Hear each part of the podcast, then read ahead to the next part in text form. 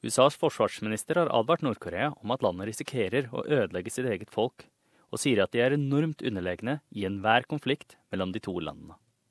Kommentaren fra James Mattis kommer idet USAs utenriksminister Rex Tillerson har forsøkt å berolige frykten omkring krisen.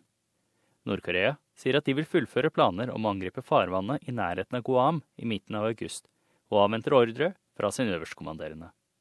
USAs forsvarsminister James Mattis har i en uttalelse sagt at Nord-Korea må stoppe enhver handling som, han sier, vil føre til slutten av regimet. General Mattis sier at Nord-Korea må velge å slutte å isolere seg selv og stoppe utviklingen av atomvåpen. Nord-Korea sier at de ser på planene som et forebyggende angrep på det amerikanske territoriet i Guam i Stillehavet, som kan bli gjennomført innen midten av august. Men i en uttalelse idet han landet i Guam, har USAs utenriksminister Rex Tillerson forsøkt å berolige folk på territoriet og tilbake i USA. I think the president, what the president was doing is sending a strong message to North Korea in language that Kim Jong Un would understand, because he doesn't seem to understand diplomatic language. I think the president just wanted to be clear to the North Korean regime that the U.S. you know unquestionable ability to defend itself, will defend itself and its allies. And I think it was important that he deliver that message to avoid any miscalculation on their part. Trumps melding var ikke vanlig diplomatisk språkbruk.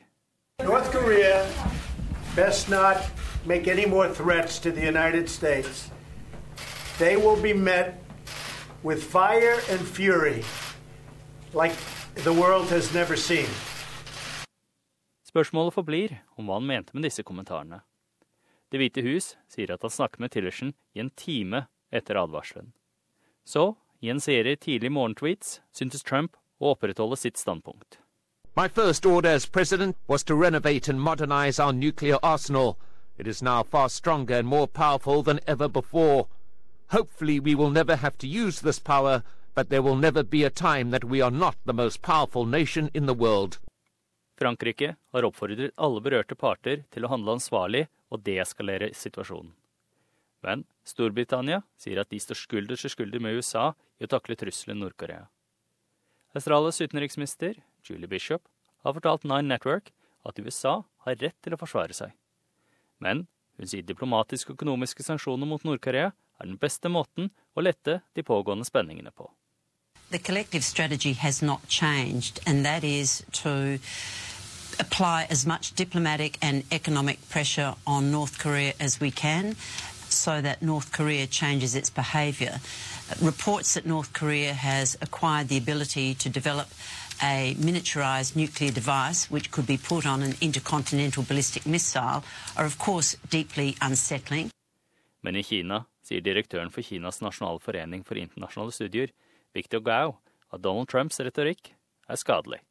Definitely, President Donald Trump's statement calling for war or unprecedented fire and fury is not constructive towards the final achievement of the goal of denuclearization on the Korean Peninsula. It actually will damage the global leadership and the global reputation of the United States.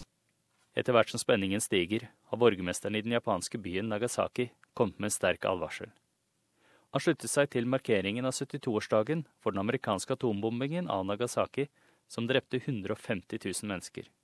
Tomihisa Tauei påpeker at det fortsatt er nesten 15 000 atomvåpen i verden. Tension is mounting when it comes to the international situation, and strong fears are spreading that nuclear weapons may be used again in the not so distant future. Denne saken var laget av Maya Jameson. Jeg er Frank Mathisen, og du hører på SBS norsk.